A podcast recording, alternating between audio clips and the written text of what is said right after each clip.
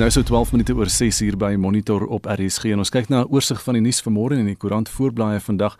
Die burger het hier 'n aangrypende foto is my dogter se lewe net R2000 werd en die foto is dan nou geneem daar ondersteuner troos Kashandra Bester buite die Landdroshof in Belwel. Haar man Stewart en dogter Chelsea staan agter haar en die storie is dan in die koerant vanoggend van wat alles daar in daardie hof gebeur het. Die hoofberig op die voorblad van die burger korrupsie in ANC dodelike gif sê Cyril en eis sê uittartend voorwaarts met RET voorwaarts. Nog 'n berig skoolhoof beboet en gewaarsku maar sê nie hy's jammer. En dit gaan oor die storie met die hare van William sê so die die onderwyser daar die jong onderwyser.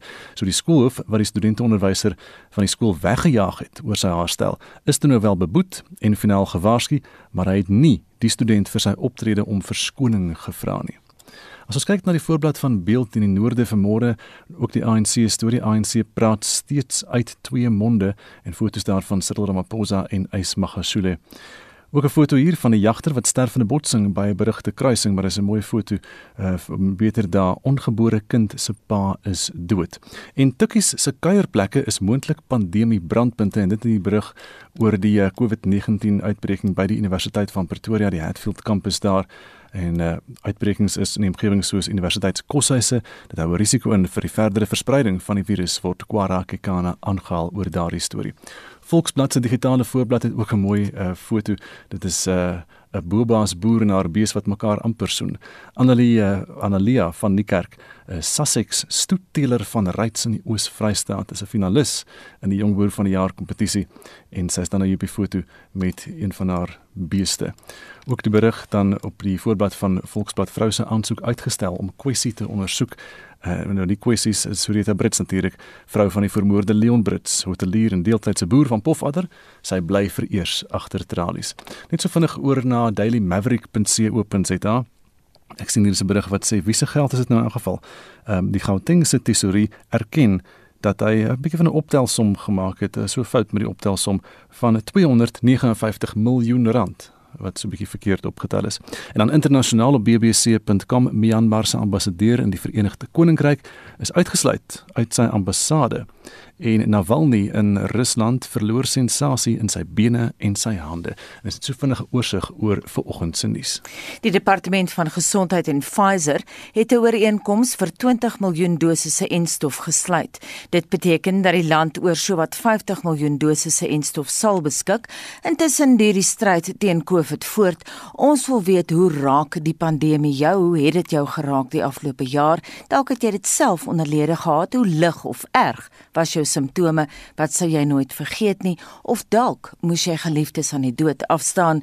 Stuur vir ons 'n SMS na 45889 dit kos R1.50 of gaan na Facebook by facebook.com vorentoe skuinstreep ZRC of WhatsApp vir ons stemnota na 076 536 69 61 076 536 6961 16 minute oor 6 en meer as 50 moorde is die afgelope Paasnaweek in die Wes-Kaap alleen aangemeld. Die minister van Polisie, Behikele, het die statistiek tydens 'n parade van pas ontplooide beamptes in die provinsie bekend gemaak. Byna 200 polisiebeamptes word in die Wes-Kaap by misdaadbrandpunte te midde van 'n toename in misdaad ontplooi, veral misdade wat met bendegeweld verband hou. Die gebiede vir ontplooiing sluit in Delft, Khayelitsha, Kraaifontein en Nyanga op die Kaapse vlakte. Kelly sê die bykomende ontplooiing kom te midde van wat hy 'n hardnekkige misdaadgolf in Kaapstad noem. Hy sê daar word vordering gemaak met die kwessie van afpersing in verskillende dele van die stad. It has been raised that the question of extortion here in this city which has stopped being the elite kind of crime. But there are people who move around. Ask the owners of those households how many people are leasing the backyard car and ask how much do they pay.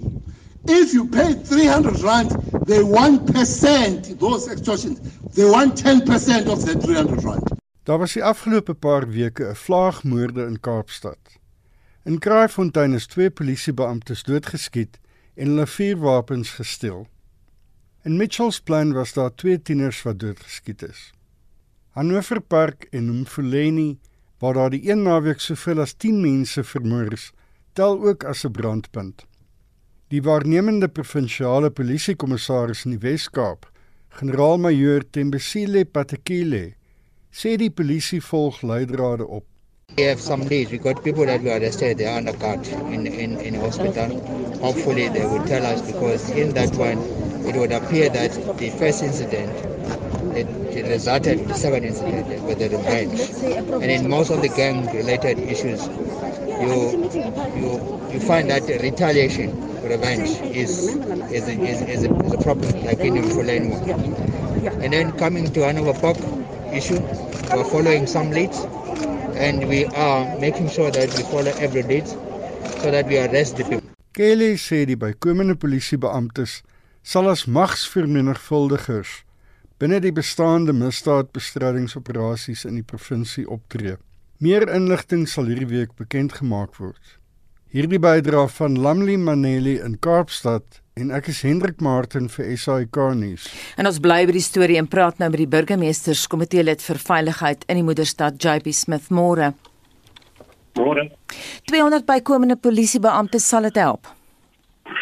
Dis nie dis ons is nie ehm um, Ek dink nie dis te versmaai nie. Ek dink dat ons moes ons is dankbaar enige tyd as ons ekstra uh polisie bydra kry. Ehm um, daar's twee komponente van die probleem waarmee ons sit op die Kaapse vlakte. Ehm um, die eerste gedeelte is die feit dat daar is eenvoudig te min polisie. Ehm um, de internasionaal moet jy rondom uh, moet jy een polisieman vir omtrent elke 220 lede van die publiek hê. Ons sit die oomblik met omtrent een polisieman vir elke 560 lede van die publiek. Ehm um, so 200 ekstra polisiemanne sal daai syfer uh 'n bietjie aanhelp. Dit maak dit miskien een polisieman vir elke weet 550 of so maar ons is ver van waar ons moet wees. So ons is dankbaar vir die ekstra 200. Ehm um, mense uh, sê nie nee vir 'n vir 'n vir so 'n geskenk nie, maar dit is redelik ver van waar ons behoort te wees um, as nasionale regering ernstig is oor die misdaad aanspreek. Ehm um, daar is duisende wat moet kom, nie honderde nie. En die tweede groot probleem is eintlik nie die die sigbare polisieering nie. Die groter krisis is die feit dat jou skuldigbevindings ehm um, so laag is dat jy sit veral met die bende geweld met 'n 2 of 3% skuldigbevinningskoers as dit nie gaan verander nie dan sit ons gaan ons bly in hierdie situasie want jy sit met bendelede wat oor en oor dieselfde misdade pleeg sonder om uh, uh tronk te gaan en in die tronk te bly. Uh hulle is hulle is binne hulle vermoë om aan te hou skiet um en dieselfde misdade aan te hou pleeg en daar het jy uh, misdaadsintelligensie nodig wat in 'n baie slegte situasie is en jy het meer uh, speurders nodig. So dit is ook oor die regte soort polisie. Ons het nie noodwendig net meer polisie op die strate nodig nie. Jy moet seker maak dat jou speurders ehm um, behoorlik opgelei is en dat jy genoeg speurders het. En dit sou ek sê is miskien laag hangende vrugte, dis low hanging fruit, dis kleiner goed wat jy kan regmaak met minder koste wat 'n groter impak sal hê want jou speurders kan nie sit met met soos hulle nou sit met meer as 200 sake op hulle op hulle um, um, desk nie. Hulle het eh, 'n uh, speurder kan miskien 20 sake realisties doen as jy praat met speurdershoofde elders in die wêreld nie meer as 200 sake nie want dan gaan hulle eenvoudig nie impak maak nie. Kom ons kyk na die brandpunte Delft Kai Litcha Kraaifontein Nyanga enige brandpunte wat uitgelaat is. Ehm um, die uh, daar is 'n op die oomblik in terme van ons ons moeilike stasies is Menenberg um, definitief een van hulle dit bly 'n warm punt vir ons. Delft is 'n is 'n stasie wat uh, ernstige probleme um, het en die um, die grondbesittings wat uh, wat deur die nasionale uh, rampbestuurregulasies nou uh, bevorder word um, en bemagtig word dit ehm um, dit het die die statistieke en die probleme in Delft ehm um, lelik aangehelp. Ehm um, uh, Kraaifontein is korrek, uh, so ook is Kylicha, dit is baie van hierdie punte of hierdie plekke is ook plekke waar ons uh personeel ontplooi deur ons leap program die provinsie en die stad het gesamentlik uh 500 personeel ontplooi omlangs deur ons wetstoepassingsdiens wat die provinsie uh, meestal voorbetaal het. Uh en ons is nou besig om nog 500 te ontplooi 250 het verlede week um, hulle uh, hier kontrak of hulle 'n diensneming kontrakte geteken. So hulle word nou employ. Ek sou sê een van die areas wat definitief um, uitgelaat daar is is Mitchells Plain, um, wat ons uh, uh personeel in nodig het um, waar ons ons nou nie gesien het dat van daai 200 Mitchells Plain toe gaan nie.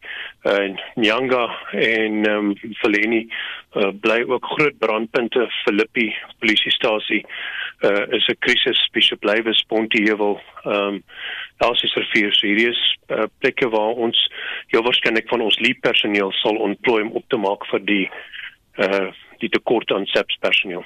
So hoe gaan dit help teen bende geweld hierdie ontplooiing van nog polisie? So die leap ons het twee komponente aan ons leap program. Ons het nou gesien dat waar ons ontplooi het in plekke soos aan aan Hannover Park en Menenberg en Bontewel dat ons daai uh misdaad vlak oor 'n tyd kan onderdruk dat ons um, in al daai areas uh vermindering aan aan die misdaadvlakke gesien het. Ek het nou uitgegaan met die lead personeel op 'n hele paar geleenthede oor die laaste weke. Ehm um, en die terugvoering van die gemeenskappe ehm um, is ook positief. Hulle sê dat om die personeel daar te sien maak dit moontlik vir hulle om aktiwiteite en goed te doen wat hulle andersins nie sou kon doen nie.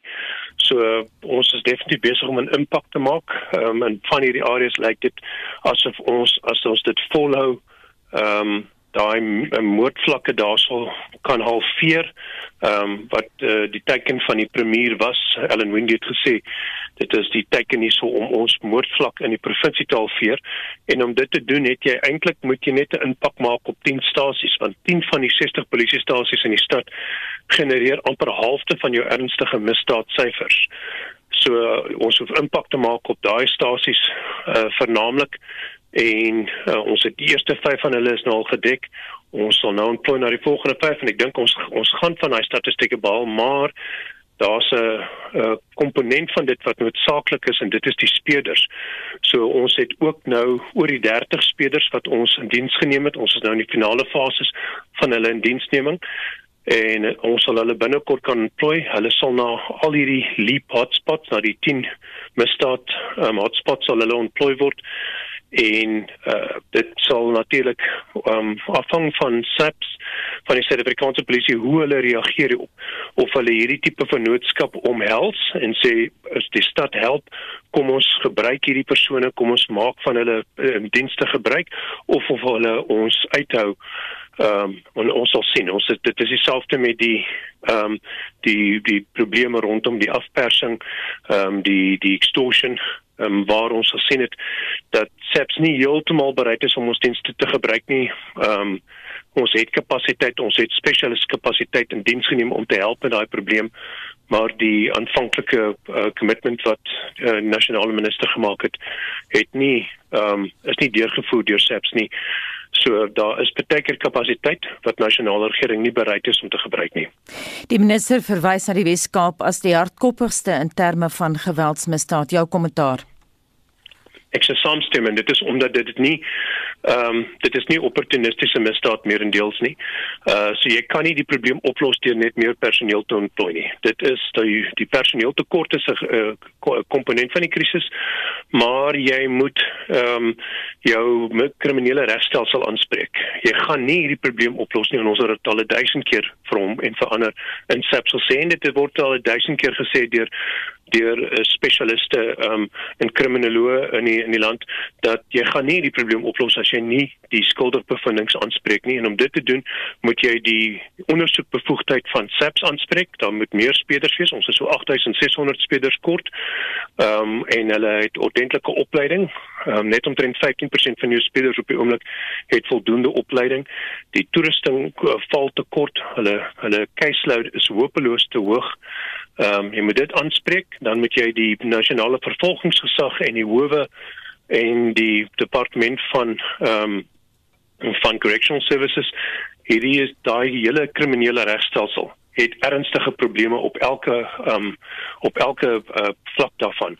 En as jy nie daai daai value chain gaan aanspreek nie, gaan jy nie hierdie probleme regkry nie. Jy gaan nie daai ehm um, daai bendes vasvat nie. Hulle gaan aanhou doen wat hulle doen. Hulle is te diep ingegrawe en daar's te veel korrupsie. Jy moet die kriminele regstelsel regmaak. So jy, dit is hoekom hy hard net hardnekkig is want jy jy voel jy kan nie vooruitgang maak nie. Daai vooruitgang gaan jy net maak as jy slim werk en jy die regte goed doen. En tot datum het ons nie gesien dat nasionale regering lyk of dit binne hulle vermoë is om hierdie situasie reg te ruk nie. Dankie dit aan die burgemeesterskomitee lid vir veiligheid in die moederstad JP Smith. 27 oor 6 in die sagteware maatskappy Arikel dreig om sy dienste aan Eskom te onttrek indien die kragvoorsiener nie sy skuld van miljoene rand afbetaal nie. Die geskilde is nou voor die hof en Chris Jelend, die energiekenner en direkteur van EE Business and Intelligence, volg hierdie saak en glo Eskom hanteer die kwessie goed. Marlene Forsie het meer besonderhede. Eskom se aanvanklike beroep op die hof om te verhoed dat Oracle sy dienste tydens die dispuut opskort, was volgens Jelend oordrewe. Die kragvoorsiener het gewaarsku dat dit 'n ernstige impak op kragvoorsiening sou hê. Oracle se dienste is egter vir nou opgeskort en die kragvoorsiener het nie ondergegaan nie. Jelen sê selfs al het Eskom die dam onder die eend uitgeruk, is hy nie die enigste sondebok nie. I do think that Oracle's actions are reprehensible. They are bullying, they are holding the country to ransom, they are threatening Eskom instead of resolving the dispute in the normal way and allowing an independent court to hear both sides of the story and come to a conclusion. Eskom's problem, on the other hand, is they seem to have overplayed their hand and cried wolf. It reduces their credibility in the eyes of the public. It damages Eskom's reputation and credibility. It means that when Eskom do have a serious problem, that they alert the public to that maybe the public are going to say, oh, well, we don't really believe you. It's happened in the past where you've cried wolf and it wasn't as serious as you made out. Hy glo Oracle kan die saak op 'n beter manier hanteer. They initially claimed that Eskom owed them 7.3 billion rand. And in a short space of time of some negotiations by Eskom, this was whittled down from 7.3 billion rand to 400 million. Now, obviously, 400 million is still a lot of money, but it's a very different sum of money to 7.3 billion. That gives an indication that perhaps Oracle are not acting in good faith. They are overclaiming. Eskom is actually saying it's 160 million and not 400 uh. That's what's still got to be resolved in court. But I think uh, one should commend Eskom for not paying 7.3 billion rand as was apparently outrageously claimed by Oracle. Dit was Chris Jelland, 'n energiekenner en die direkteur van EE Business and Intelligence. Die dispuut hier voort. Marlene Forsie, SAK nuus.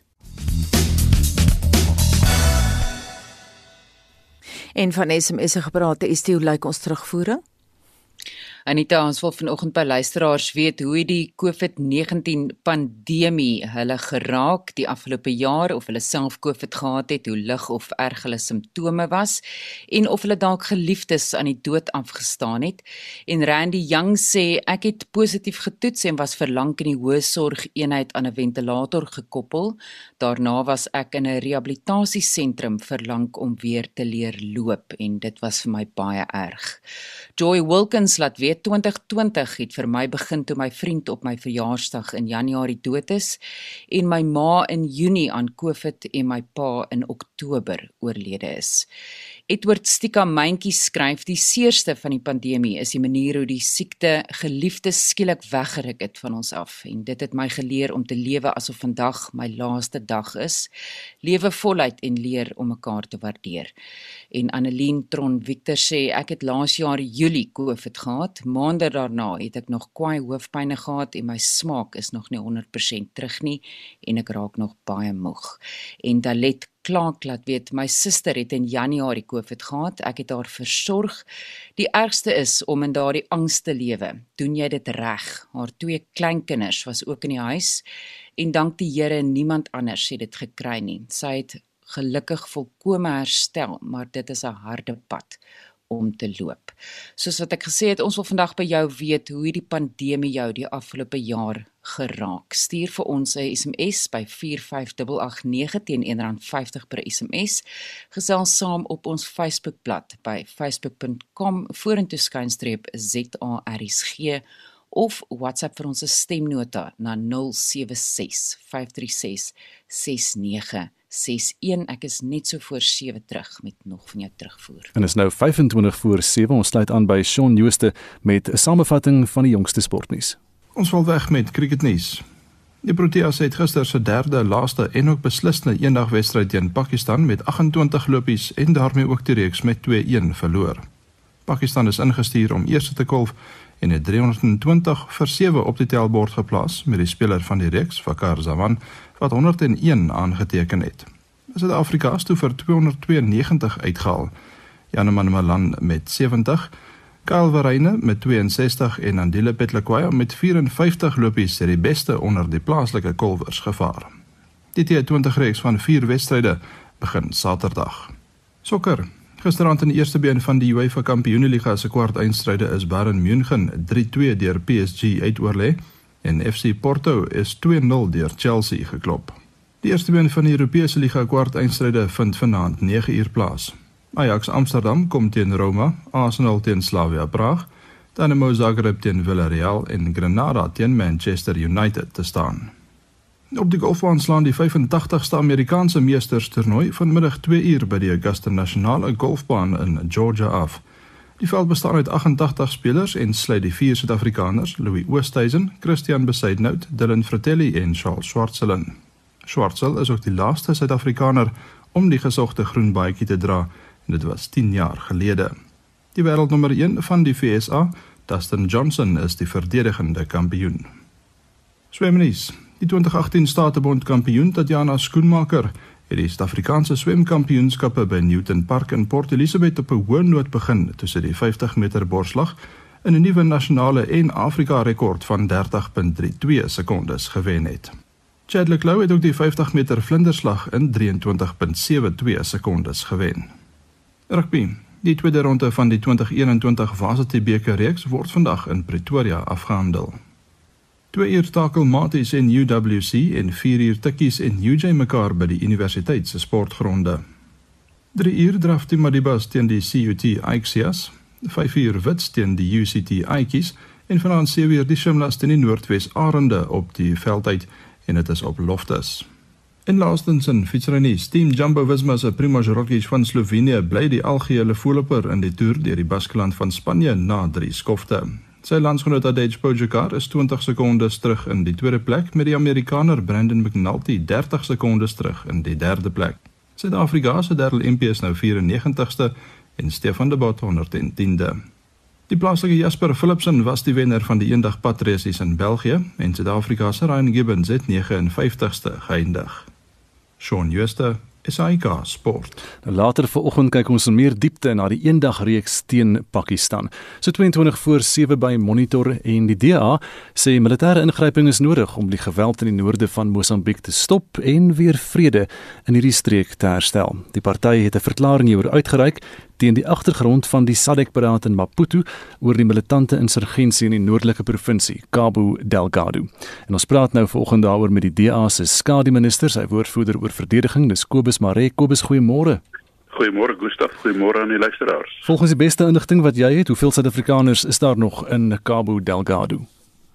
Uh volgens ons inligting is al die Suid-Afrikaners is is is daar 'n rekenskap voorgegee Ehm um, en ek dink daar is bitter bitter min Suid-Afrikaners nog in Cabo Delgado, die meeste is is onderruim en en na na uh, Palma toe en natuurlik die meeste is dan nou veilig by die huis ook gelukkig.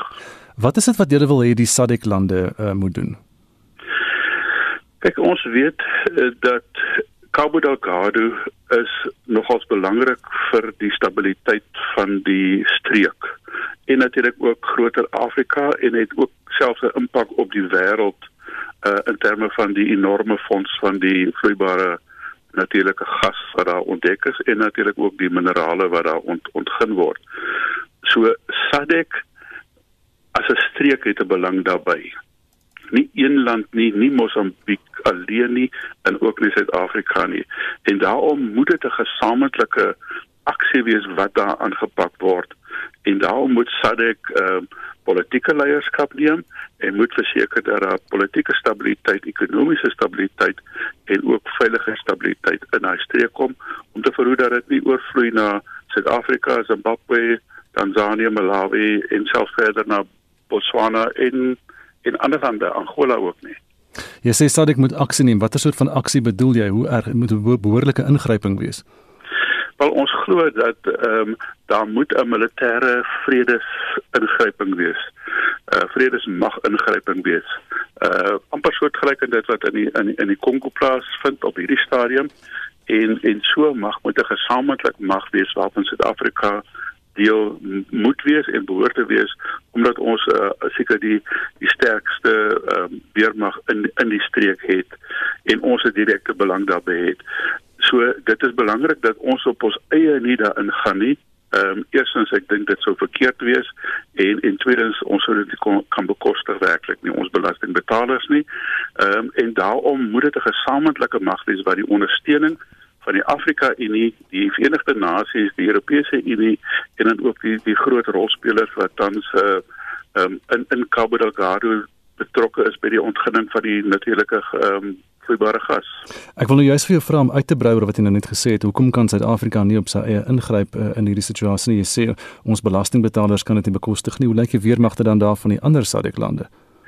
Wel die ander SADC lande dink ek lyk dit lyk nie vreeslik beter nie, maar ek dink dit sou verkeerd wees as ons as 'n enkel land betrokke raak by 'n by 'n by 'n buurland. Ek wil ons moet onthou of ons nou saamstem met wat in Mosambiek gebeur en hoe hulle regering dit hanteer of nie. Uh, dit is nog steeds 'n soewereine land. Ons kan nie ehm um, op ons eie net uh, eensydig betrokke raak nie. So dit moet eerstens 'n versoek wees en 'n besluit wees van Mosambiek en natuurlik moet die ander lande betrokke wees om dan nou ook nie net die uh finansiële ondersteuning nie, maar ook die morele ondersteuning en die wettige wetlike ondersteuning te gee aan aan enige militêre ingryping daar. Ehm um, en natuurlik, jy weet, uh, die moment wanneer dit 'n gesamentlike mag is, ongeag hoe dit dan nou saamgestel word tussen die lande, ehm um, uh, is is is die is die morele grondslag eenvoudig net anderste wanneer dit 'n gesamentlike uh, ingryping is anderste as net 'n een eensidedige ingryping.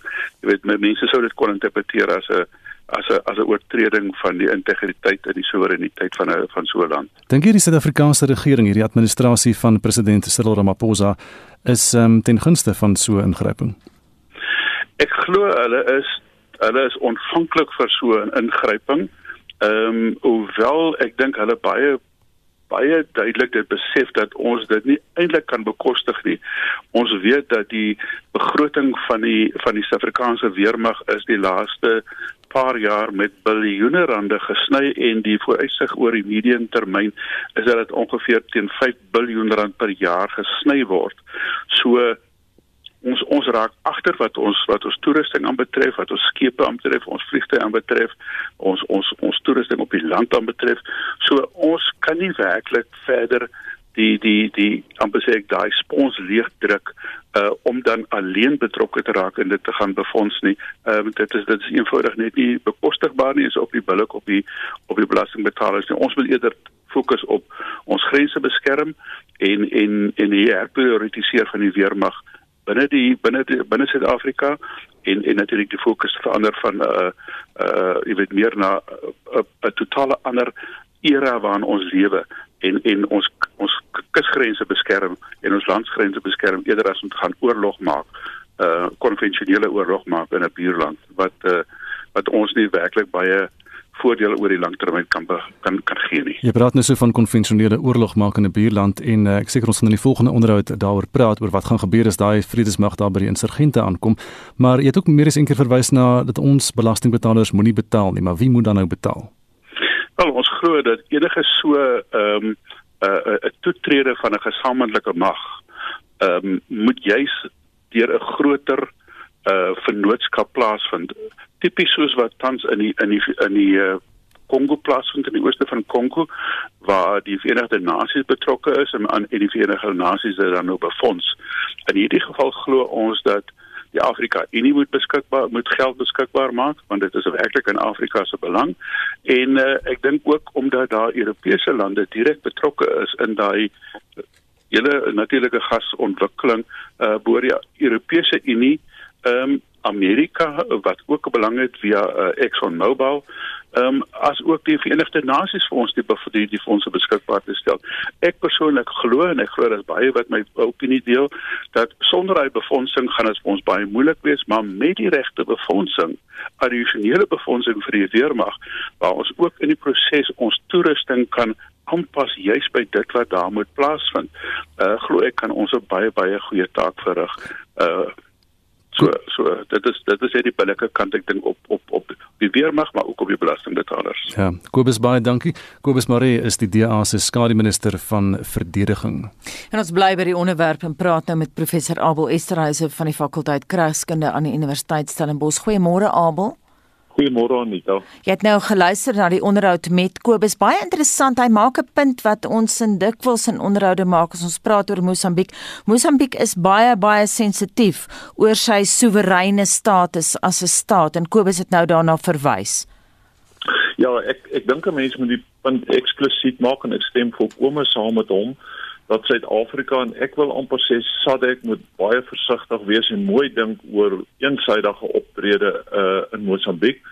Ehm um, en nie net oor politieke oorwegings nie en en die legitimiteit van sodanige operasie nie, maar ook omdat uh, sodanige operasie oorwoe en deurdag moet wees dat dit langtermyn gaan wees, dat dit hulpbron intensief gaan wees en belangrik dat ons gaan waarskynlik moet saamwerk met mondhede vanuit uh, ander streke en selfs buite Afrika, uh Frankryk en die FSA wat Suid-Afrika waarskynlik ietwat polities ongemaklik mee is op die oomblik.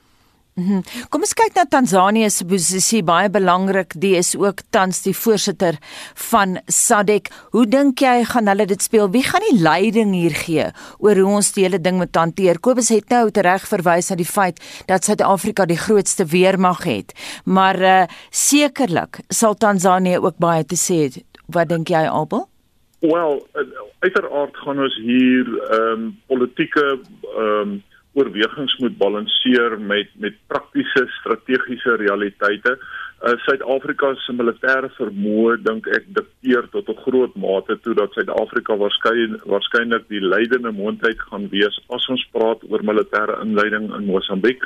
Maar die Suid-Afrikaanse regering weet ek sal dit polities baie mooi hanteer. Hulle moet dit mooi hanteer. Ehm uh, om om insluitend uh om te gaan met met al die SADC mondhede die, realiteit hier is dat Suid-Afrika het op die oomblik die militêre vermoë, maar ons vermoë om sodanige operasie oor die langtermyn ehm uh, te ondersteun is baie beperk soos soos meneer Maree ook uitgewys het. Ehm um, ons begroting is baie beperk.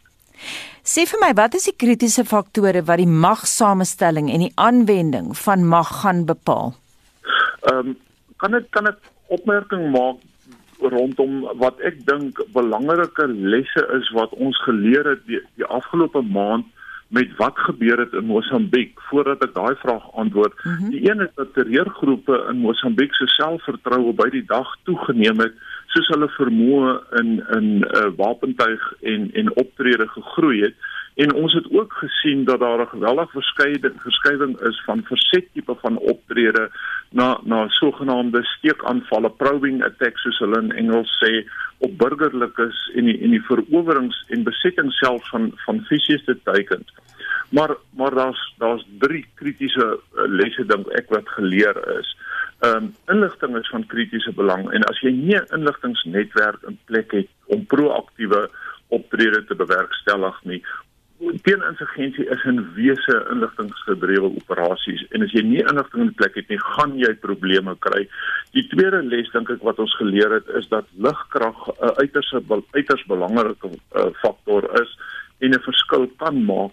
En dan derdens dink ek is dat 'n klein groepie hoogs opgeleide soldate kan 'n strategiese verskil maak oor die kort termyn. En en hier moet ek die die klem plaas op korttermyn omdat een van die groot probleme in enige teeninsurgensie operasie is hoe balanseer jy korttermyn optrede met langtermyn implikasies. Abel, wat moet ten alle koste vermy word? Dis 'n interessante vraag. Ehm um, kom ek kom ek stel die problematiek so. Ehm um, 'n mens sal moet 'n baie mooi balans vind tussen defensiewe beskerming van die bevolking en en offensiewe optrede teen die insurgente. Ek dink dis die eerste punt wat 'n mens moet maak. Ehm um, soos in enige insurgensie moet gewapende mag ongelukkig met gewapende mag beantwoord word en dit is problematies. Ehm um, dit is ongelukkig die taal wat insurgente praat en die taal wat hulle verstaan en daarom moet ons baie versigtig wees om uh, teen insurgensie in Mosambiek gelyk te stel aan aan 'n uh, vredesoperasie. En dan vir my die die onderskeid tussen korttermyn militêre stabilisering van die situasie uh en die daarstel van veiligheid vir die bevolking aan die een kant en die langtermyn omvattende benadering, die sogenaamde comprehensive approach waarvan almal praat in 'n teeninsurgensie situasie wat nodig sal wees om die vertroue uh, te herstel, om die ekonomie te herstel, om die infrastruktuur weer in in plek te uh, te plaas. Abel verlede jaar hier in die middel van September rond het ISIS se waarskuwing uitgereik aan Suid-Afrika en gesê as julle julle weer mag instuur, sal julle die prys daarvoor betaal. Jou kommentaar daarop.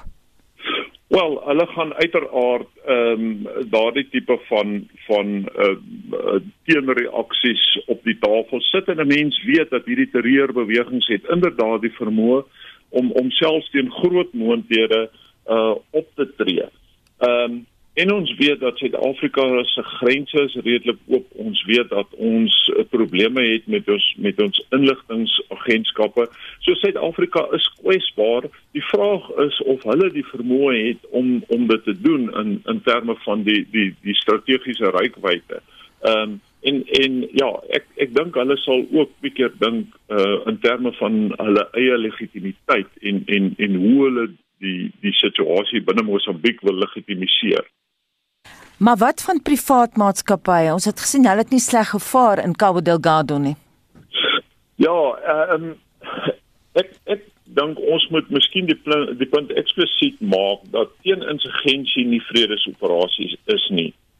Ehm um, en dat daar op die oomblik baie min ten opsigte van doktrine, ervaring uh en ervaring van van enige aard rondom teeninsurgensie in in SADC weermagte is. Daarteenoor sit ehm um, privaat uh, militêre maatskappye met redelik baie ervaring ehm um, en hulle tot 'n mate toe met groot sukses opgetree in in in baie teeninsurgensie omgewings, nie net in Afrika nie, maar ook elders in die wêreld.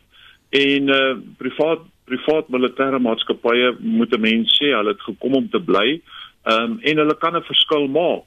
Ehm um, so dit bly 'n strategiese opsie dink ek om om privaat militêre maatskappye te, te gebruik. Natuurlik bring hulle 'n hele reeks vrae rondom ehm um, die die die etiek van van die aanwending van militêre mag, die politieke legitimisering daarvan. So hulle bring 'n eie eie soortige problematiek na die tafel toe, maar hulle bring ook vermoëns wat 'n mens kan benut in so 'n situasie na die tafel toe. Baie dankie en so sê professor Abel Estreise van die fakulteit Kragskunde aan die Universiteit Stellenbosch. 7 voor 7 in die lugdiensvereniging van Suider-Afrika sê lugdienste wêreldwyd, maar veral ook in Suid-Afrika is in 'n krisis weens die impak van COVID-19. Internasionale reisverkeer sal nie na verwagting voor 2024 weer terugkeer na hoe dit was voor COVID-19 nie en 'n plaaslike reisverkeer nie voor volgende jaar nie en dit hang alles af van hoe die pandemie bestuur word en hoe vinnig enstowwe toegedien word. Estie de Klerk doen verslag. Die lugvaartbedryf wêreldwyd is in krisis. Die bedryf het in 2019 'n wins getoon van 28 miljard Amerikaanse dollar. Daar word verwag dat die bedryf 'n verlies van 118 miljard dollar sal ly vir 2020 en vanjaar gaan die verliese op 'n geraamde 38 miljard dollar staan. In Afrika sal die verlies in 2020 na verwagting 3 miljard dollar en in 2021 2 miljard dollar wees. Internasionale reisverkeer het met meer as 70% afgeneem verlede jaar in vergelyking met 2019, sê die bestuurshoof van die Lugdiensvereniging van Suider-Afrika, Chris Zwigenthal. Industry performance in 2020 is showing a 76% reduction in global international passenger traffic compared to 2019 and a 49% reduction in domestic traffic compared to 2019. International traffic is not expected to return to pre COVID 19 levels before 2024, and domestic traffic is expected to return to pre COVID 19 levels during 2022. All of this is dependent on the success in containing the pandemic and rolling out vaccines. Een pluspunt vir die lugvaartbedryf is dat vragte steeds per lug vervoer kon word tydens die COVID-19 pandemie, veral om mediese toerusting na verskillende lande te vervoer. Hoewel daar 'n aanvanklike insinking in wêreldwye vraglugvervoer was aan die begin van die pandemie, kon dit terugkeer na 'n voor-COVID maand-tot-maand vlak. In Suid-Afrika is lugrederye se kontantvlerke se muur afgeknip toe ons in Maart verlede jaar op vlak 5 van inperking geplaas is en dit gaan steeds broekskeer, sê. Domestic air travel has gradually increased from 0 in May 2020 to 54% in December 2020 compared to December 2019. Due to the second wave in South Africa in December 2020 and the emergence of the so called South African variant, passenger numbers dropped to 37% and 36% in January and February 2021 compared to the corresponding months in 2020. Internasionale passasiersgetalle het van Desember verlede jaar en in Januarie en Februarie vanjaar onderskeidelik tot 'n lae 19, 14 en 10% gedaal. Ons plaaslike lugrederye kon almal weer hul vlerke sprei in Junie verlede jaar, maar vlugskedules moes aangepas word omdat minder passasiers vlieg en kaartjiepryse sal ook so aangepas word, sê Zwigenthal. With passenger demand still relatively low compared to pre COVID 19 levels, and together with the changing curfews through the lockdown changes, airlines have had to adjust schedules to meet this reduced demand. Hence, some flights have been full, and this particularly over the Easter weekend and holiday period. I'm also aware of flights that have not been very full. Airlines are not utilizing their full fleet of aircraft and are managing their flight operations accordingly. Over the long weekend, fares may have increased, but in general, they are low. In the earlier months, when passenger numbers were relatively low, airlines competed and marketed their flights quite aggressively, and fares were low. Each airline will have their break even point to balance cost with yield, in other words, fares, together with the load factor, how full the aircraft is. Hy sê heelwat minder plaaslike vlugte is op die oomblik beskikbaar omdat net sowat 40% van passasiers in vergelyking met die gewone volle kapasiteit vlieg en dit sal aangepas word soos wat dit toeneem.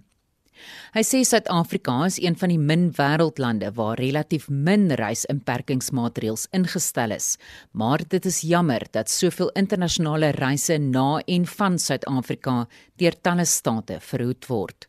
It is essential to encourage their return to South Africa as quickly as possible. We would also like to see an alignment of measures implemented internationally to give more certainty to passengers and instill confidence to travel.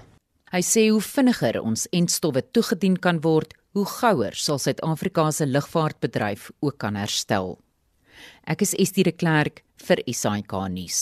Na 7 praat ons in diepte oor nuwe aspekte rakend COVID. Intussen wou ons weet, wat dink jy die luisteraar daarvan? Hoe het jy dit ervaar die afgelope jaar? My naam is Joshua en ek bly in uh, Boksburg. Ek het COVID gekry, dit was die 9de Desember gewees en van die 9de Desember tot omtrent so die 16de het ek simptome gehad, reuk verloor en al daai dinge en uh, ook 'n baie hoë koors gehad, maar gelukkig ek het myself net geïsoleer en ek het by die huis gebly en daarna het ek dit uh, oorkom, reuk het weer vinnig teruggekom en ek het totaal herstel van COVID. So vir my was dit nie 'n slegte ondervinding gewees nie. COVID het inderdaad ons familie ook geraak. Beide my skoonsister en swaar, Denise en Jay Bischoff, het in verlede jaar positief getoets en Denise en Jay is in 'n kwessie van 10 dae tussen mekaar oorlede verlede jaar Augustus en ons eie pastoor Louis Jordaan van Nelspruit Volle Evangelie Kerk was vir 61 dae in die hospitaal met COVID en ons dank net die Here dat hy deurgedra het. Ek het ook kollegas verloor wat siek geword het as gevolg van COVID en Mens kan nie help om hartseer en morbied te raak met tye nie, maar aan die ander kant laat dit jou ook besef hoe kort jou tyd is en hoe jou lewe in 'n oogwink kan verander. Ja, soos wat ek vroeër gesê het, ons praat uh, na 7 in diepte met uh, twee kenners oor COVID. Ons praat ook oor die simptome, ons praat oor wêreldtendense en ons kyk veral na die situasie in Brasilië waar daar nou 4000 uh, eh, mense per dag doodgaan aan COVID weens die wanbestuur van die hele COVID krisis. So bly ingeskakel vir daardie onderhoud en daarmee kom ons by 7 uur.